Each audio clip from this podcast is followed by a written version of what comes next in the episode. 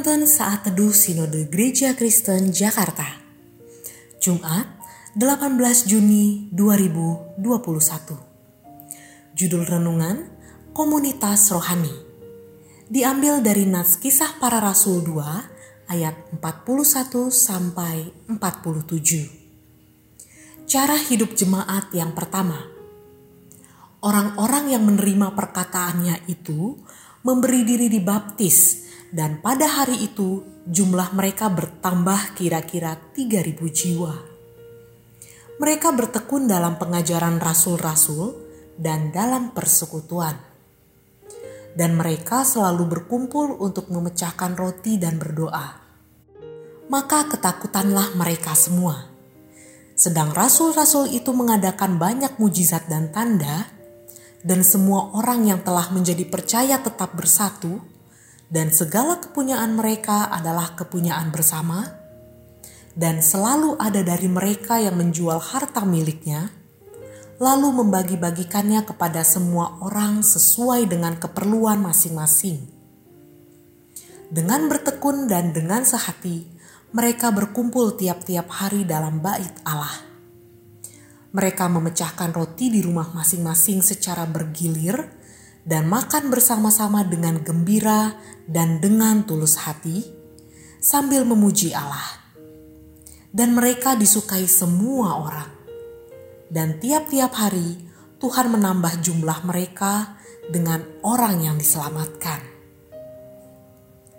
Ada berbagai jenis komunitas untuk bermacam-macam minat dan hobi saat ini. Ada komunitas sepeda, komunitas merajut, komunitas pecinta merek sepatu tertentu, komunitas pecinta K-pop band tertentu. Banyak orang ingin mencari komunitas yang sesuai dengan minat dan hobinya. Faktanya, komunitas itu sudah ada semenjak manusia ada. Kita memang diciptakan sebagai makhluk sosial.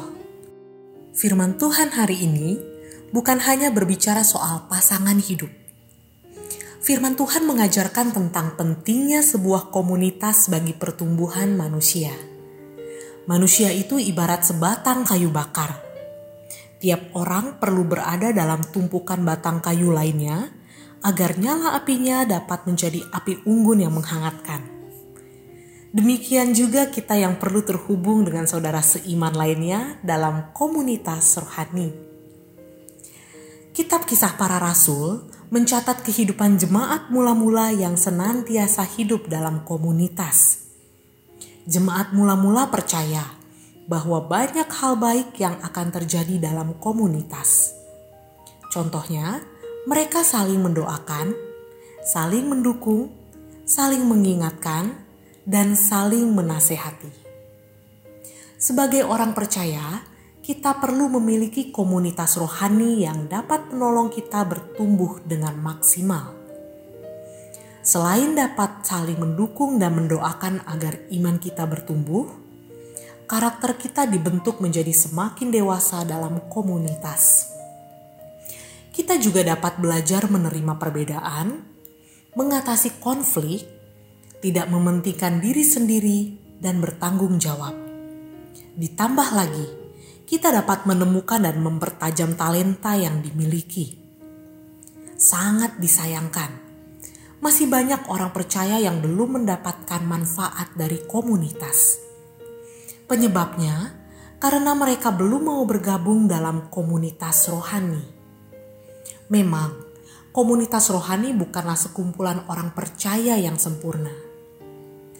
Namun Henry Nouwen berkata, komunitas rohani adalah wadah yang paling cepat membawa kita kepada kemajuan rohani. Dalam komunitas rohani, kita mengalami pembentukan agar bertumbuh dewasa dalam iman. Marilah kita mencari, menemukan, dan bergabung dalam komunitas rohani yang baik.